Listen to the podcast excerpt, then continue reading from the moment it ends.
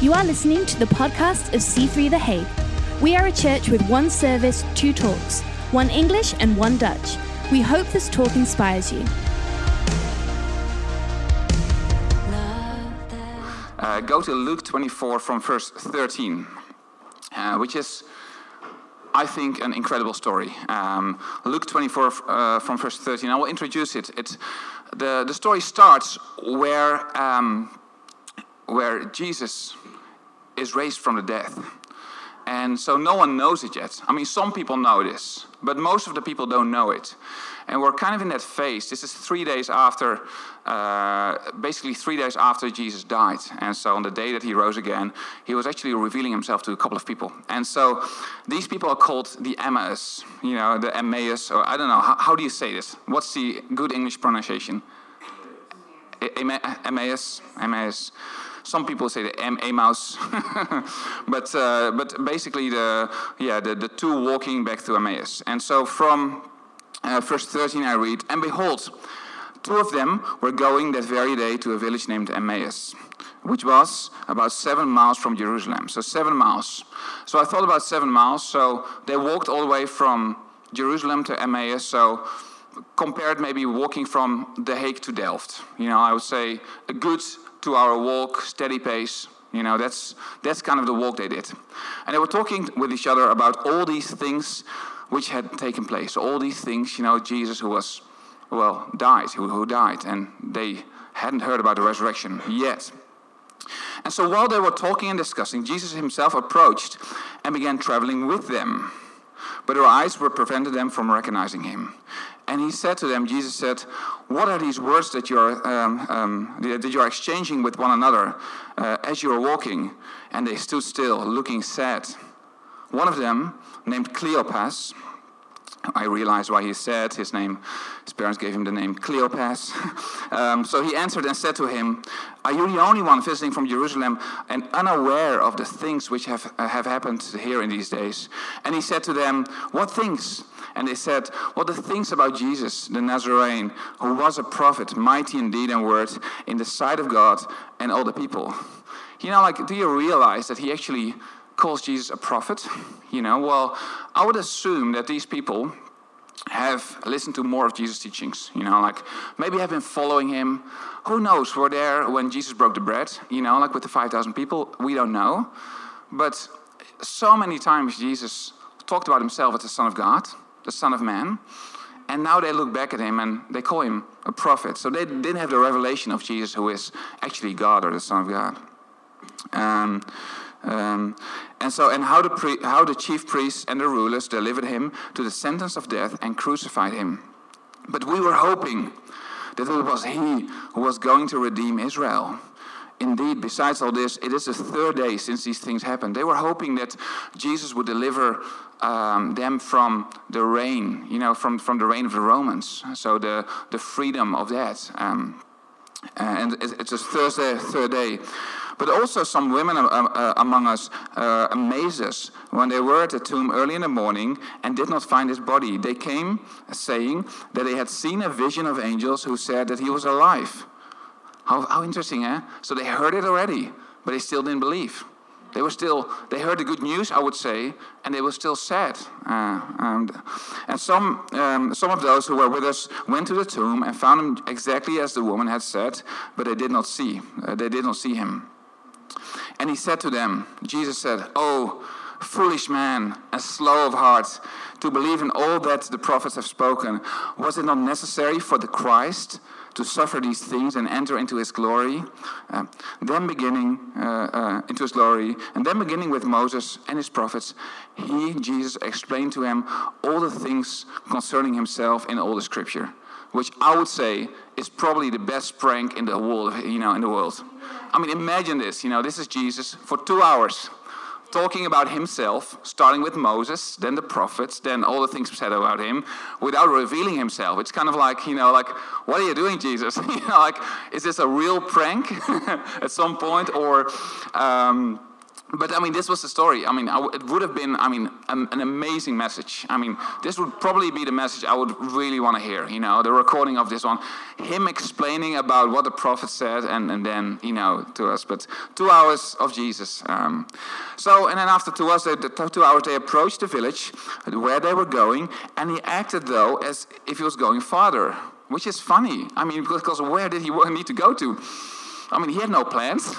no one knew he was alive. I mean, so he acted. So he was and pranking and he was acting at the same time now. I, I, I kind of had this vision of he was like, kind of like, you know, like, how do you act if you want to go further, you know, like you, but I mean, he was halfway, like a, like a, you know, like a comedy figure.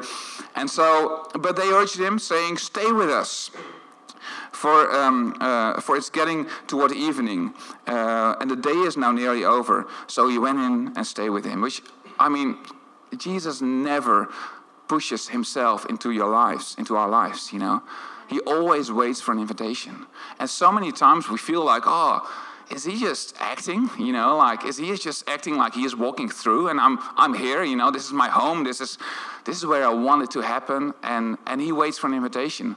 I think it's, it's, it's remarkable, even with Jesus who walks in the water, um, and it's, it's being said in, the, in, the, uh, in Mark that also he walked on water, and he also pretended like he was going, he's walking past the boat till they, they called out him. And so, why would he pretend? Why would he wait for an invitation? But Jesus, as he says himself, he is you know? He's never pushing himself in. And so he waited for the invitation. They invited him. Um, um, so when he had reclined uh, at the table, reclined at the table is not a reclining chair that's really going flat down, but he reclined at the table. He took the bread and blessed it. Um, uh, he blessed it and breaking it, he began to giving them. Then their eyes were opened and they recognized him, and he vanished from them.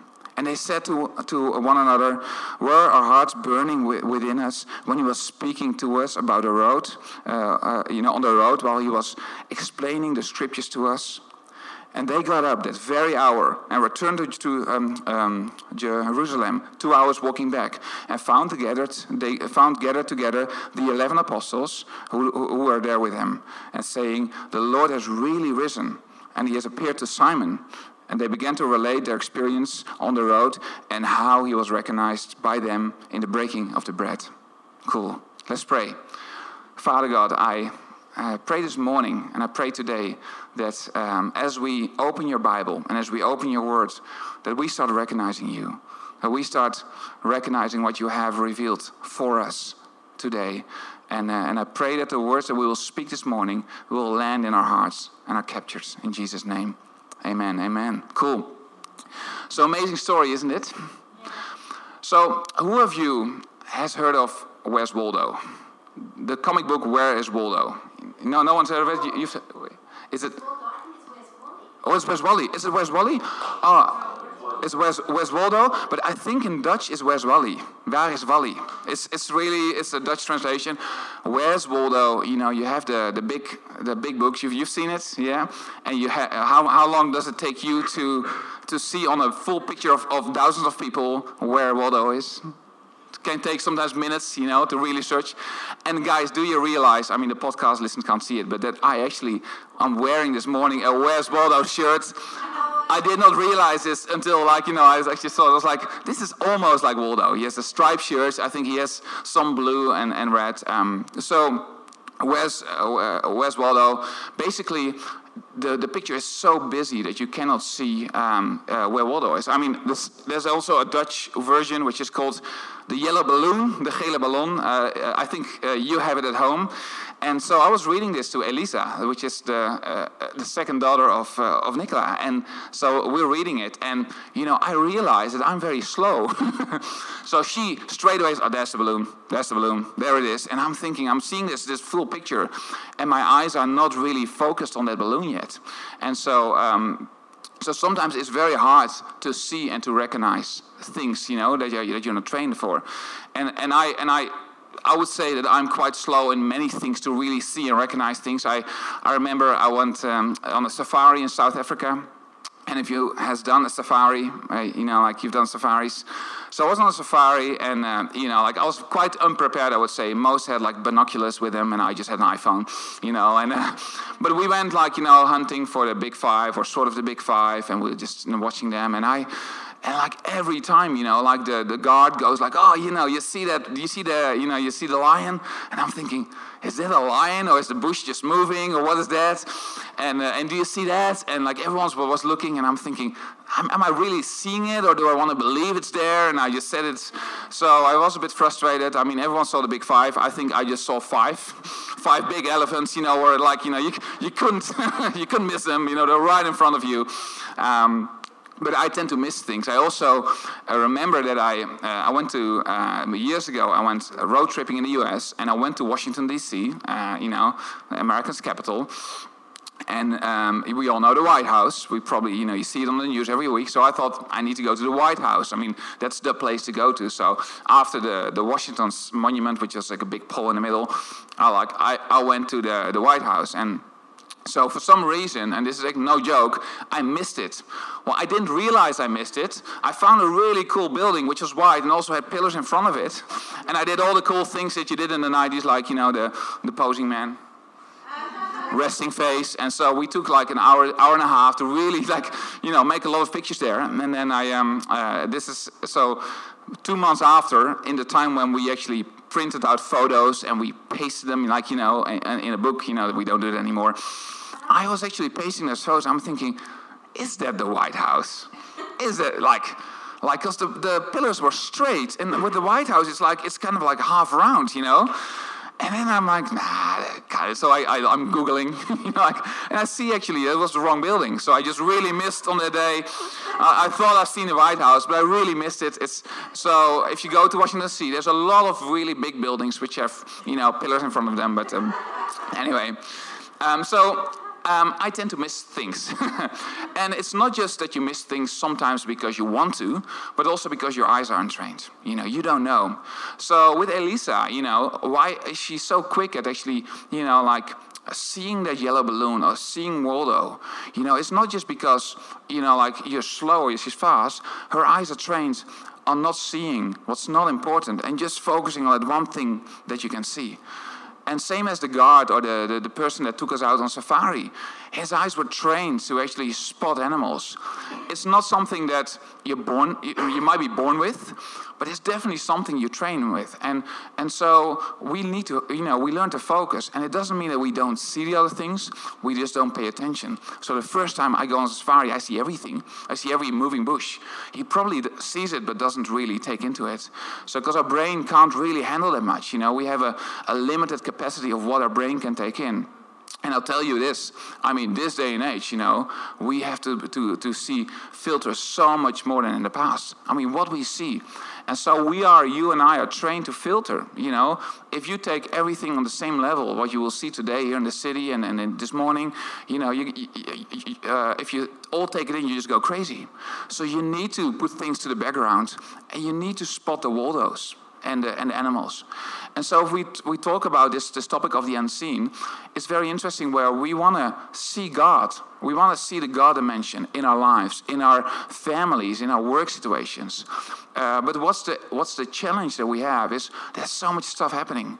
We don't focus, you know. And, and so I, I really believe this morning that this talk can help you just to uncover, to actually train your eyes to see where's God in your situation and to just to take you some steps towards doing that because I think we can all see the God dimension. I, I know that feeling where you go like, oh, all this stuff is happening and where's God? And I mean, am I training my eyes to to find God on my picture or am I just letting all the stuff that's happening in my life, you know, take take me?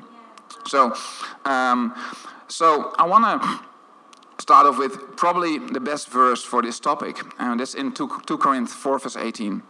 And um, I can read it to you. It's one sentence, but I think it's a really relevant one. So it says, So we fix our eyes not on what is seen, but on what is unseen. Since what is seen is temporary, but what is unseen is eternal, you know, which is amazing. I mean, so we fix our eyes, think about it, not on what is seen. It's kind of like saying, So you fix your eyes not on all this blur what's happening in your eyes, but you want to fix your eyes on on the water, which is unseen, but you make it visible. So I think, you know, this is a really big challenge for us. So how can we fix our eyes on God, on what is unseen, you know, and how can we make it visible in our lives? Um, so what I love about this story is um, a couple of things, and, and let's let's start with the beginning. I mean, these two people, Cleopas and his friends, they were sad. You know, they were sad. They walked away from something that they hoped was going to be huge, and they were disappointed. And I don't know how you are if you are disappointed, but this is how I am when I'm disappointed. When I'm disappointed, I isolate myself. I want to go home. I want, don't want to talk to anyone. Probably want to watch some Netflix or something, but don't want to really engage with people. And they were uh, so a natural response, basically, to also be sad is to actually close yourself off. Um, so this this stranger walks with them. You know, he, they didn't know it was Jesus.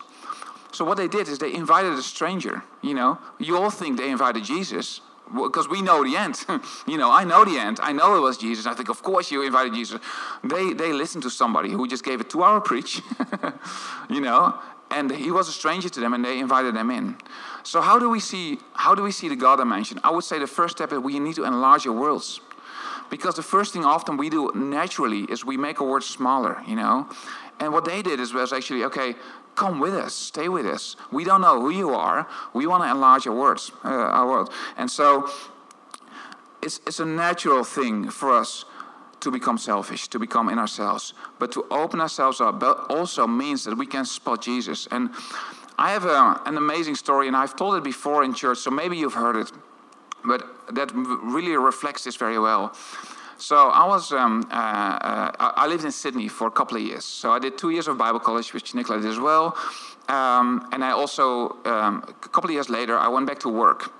And so I was working there um, and I went to a C3 conference, very similar to the conference we had, you know, this, this year here in Amsterdam. Big conference, you know, I think there was about 6,000 people.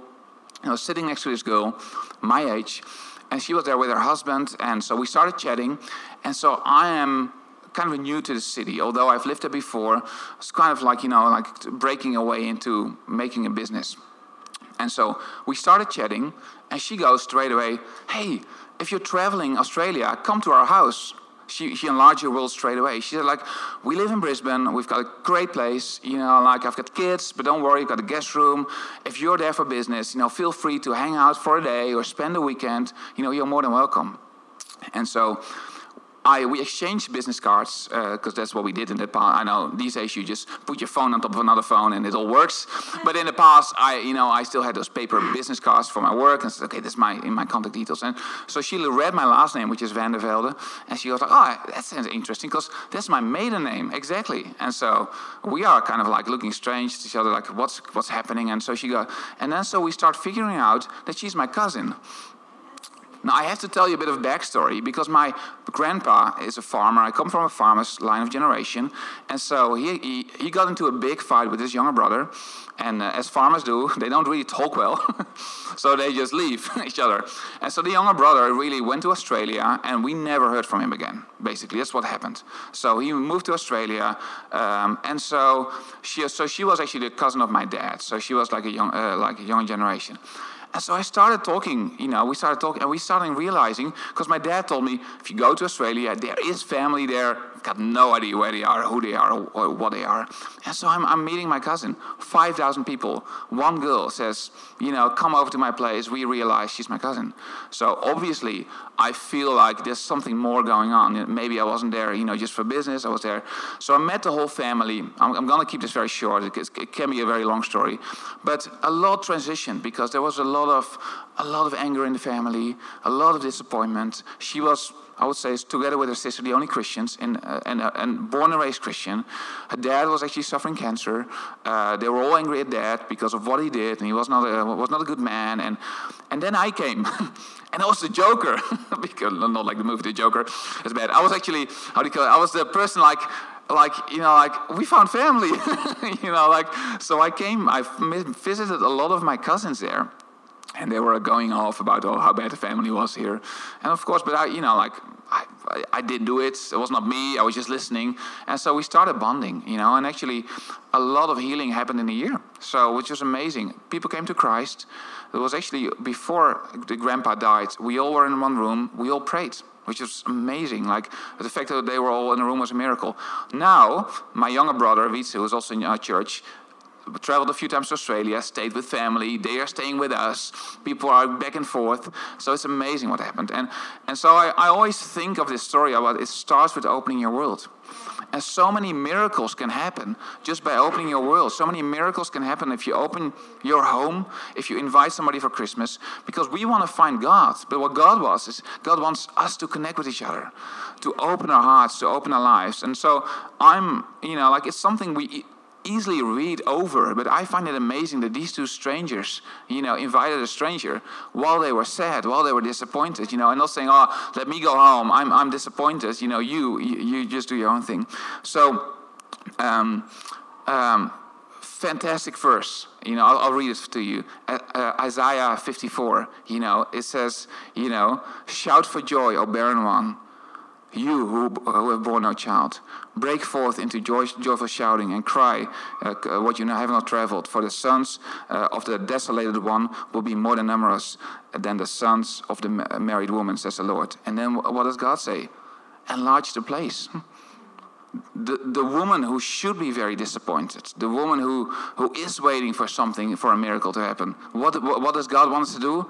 Enlarge the place Become bigger. Stretch out the curtains of your dwelling. Spare not. Lengthen your cords and, and strengthen your, your pegs.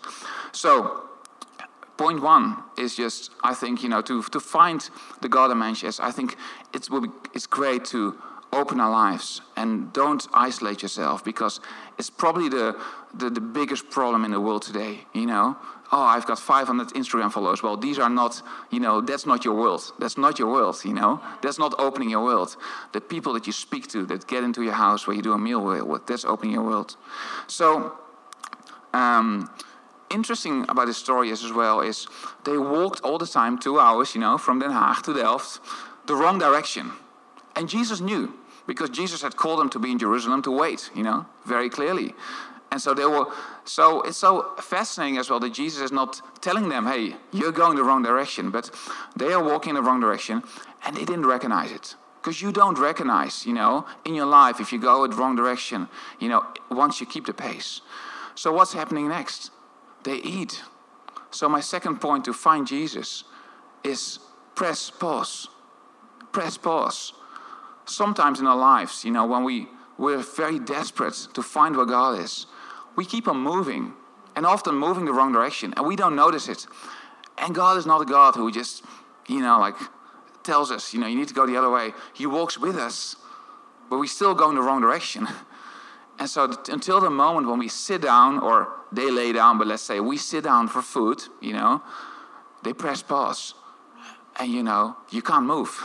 you can't move. You need to sit down, breathe, and, and take in and so, press pause is a massive topic of God.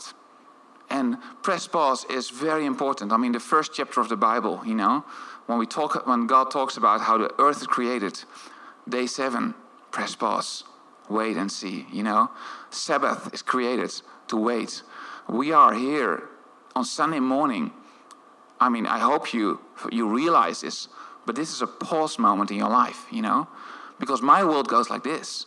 And so there's no moments when I sometimes stop. But on Sunday morning, just by meditating, by singing, by opening my, my, life's, my, my life is paused. I'm not thinking about other things.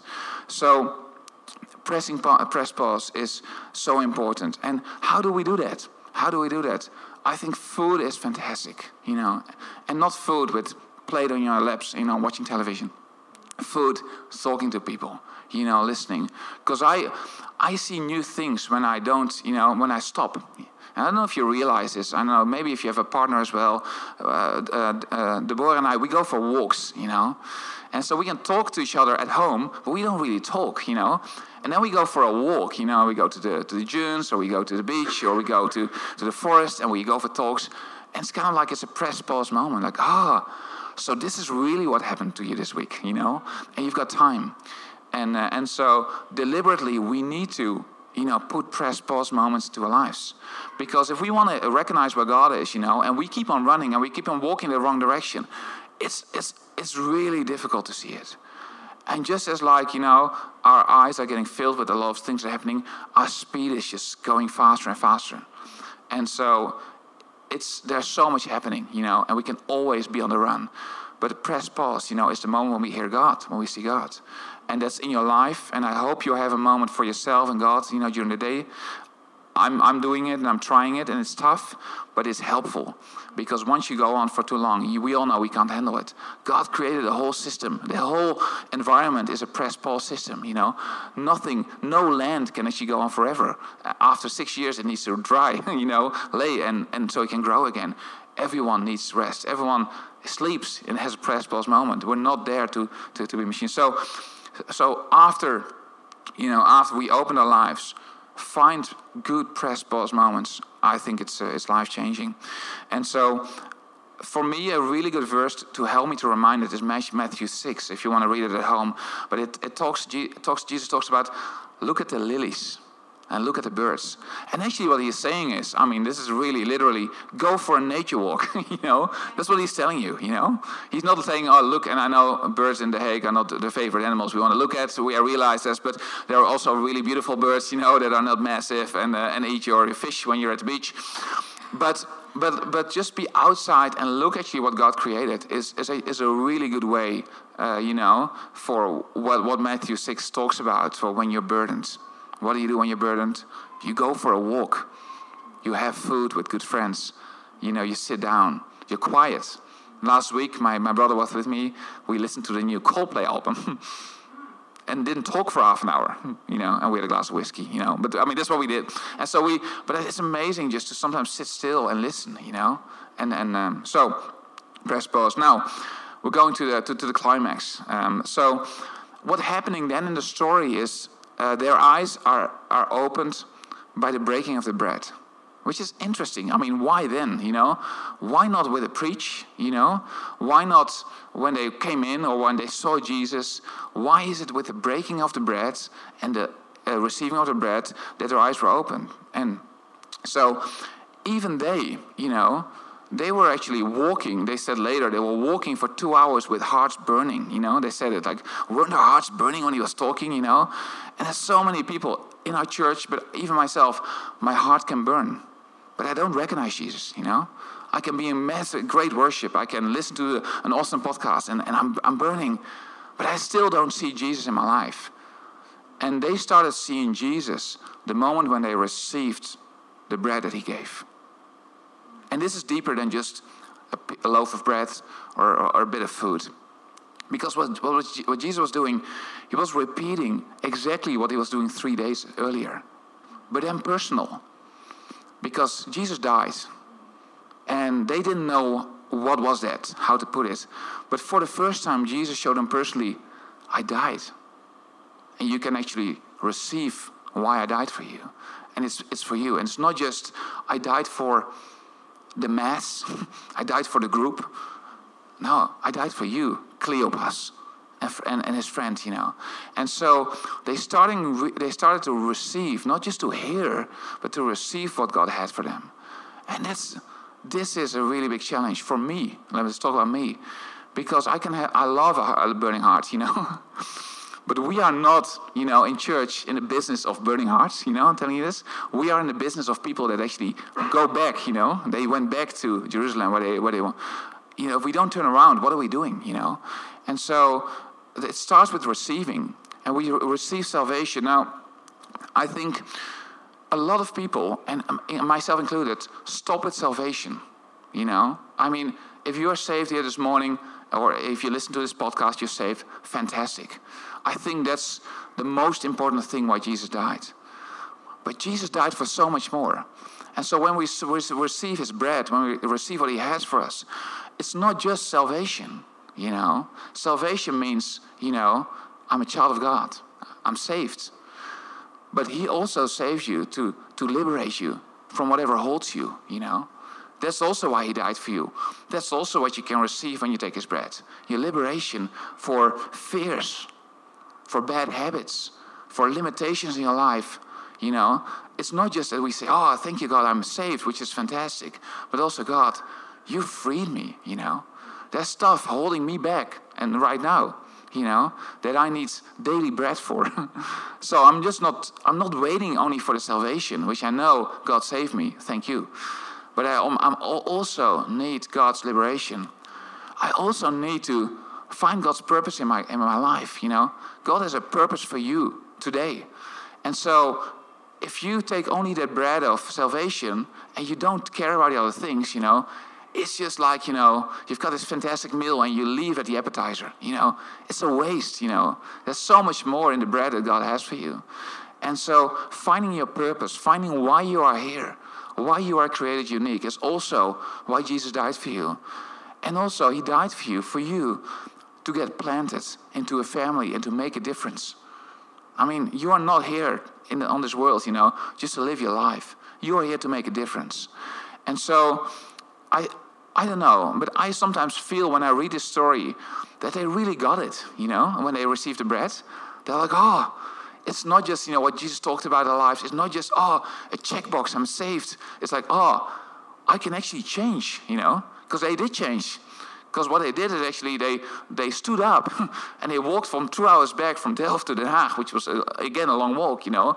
But they were actually going back to the purpose, what God put into them. It's like, stay there, you know. And I know that maybe for you this morning as well, or today, you know, God has put purpose in your lives. And you're walking maybe the wrong way, you don't realize it. You've got the burning heart, you know. But what God wants you to do is to receive what He has for you. Because if we don't receive, how can we find our purpose?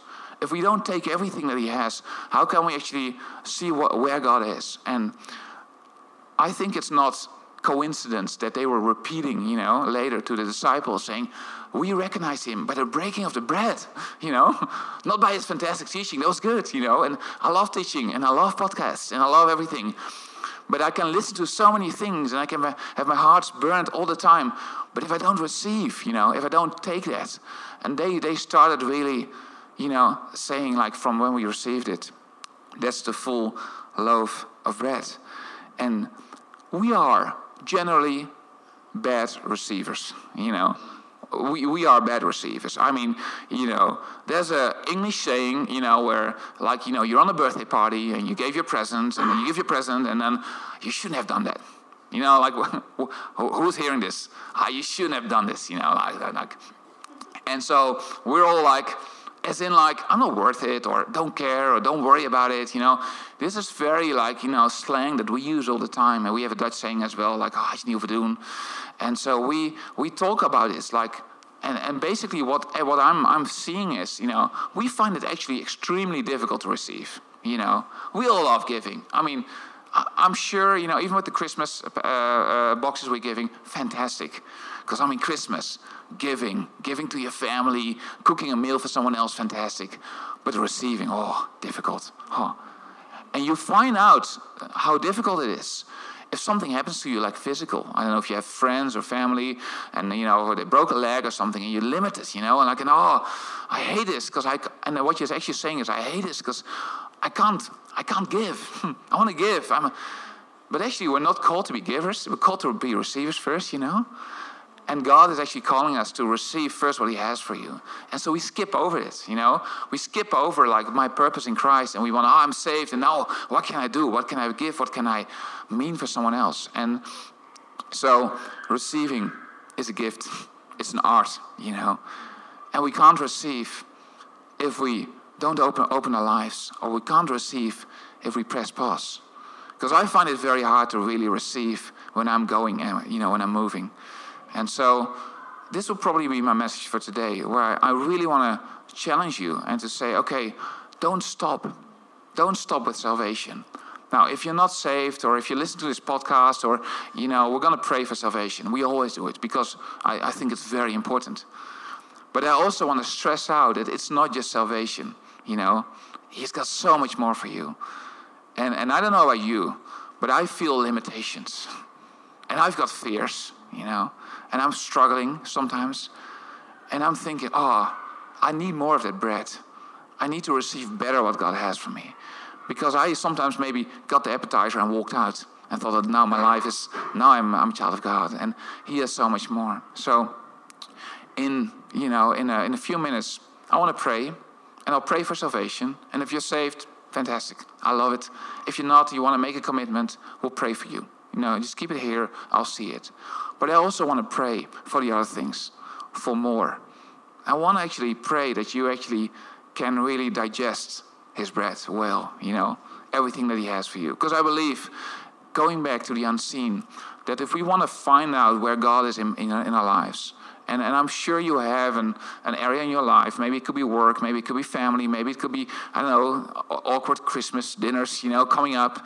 Um, um, there's a, there's a, a situation where you go like, God, this will be good if I can see you now, if I can find a Waldo, you know, in this, this situation at, at, at this point. And I'll just, I want to stress, you know, like it's possible. It's really possible to find out what God wants. He might not tell you what you want to hear. because you might need to turn around at some point to turn around to where your, to where, where your very purpose is, where your destination is. But He is there, and you can find Him if we simply, you know, open our lives, get a bigger life, if we press pause, and if we take everything that He has for us. Thank you for listening to this podcast. If you want to know more about what's going on at C3 The Hague, please follow us on Instagram. We'd love to see you on Sunday.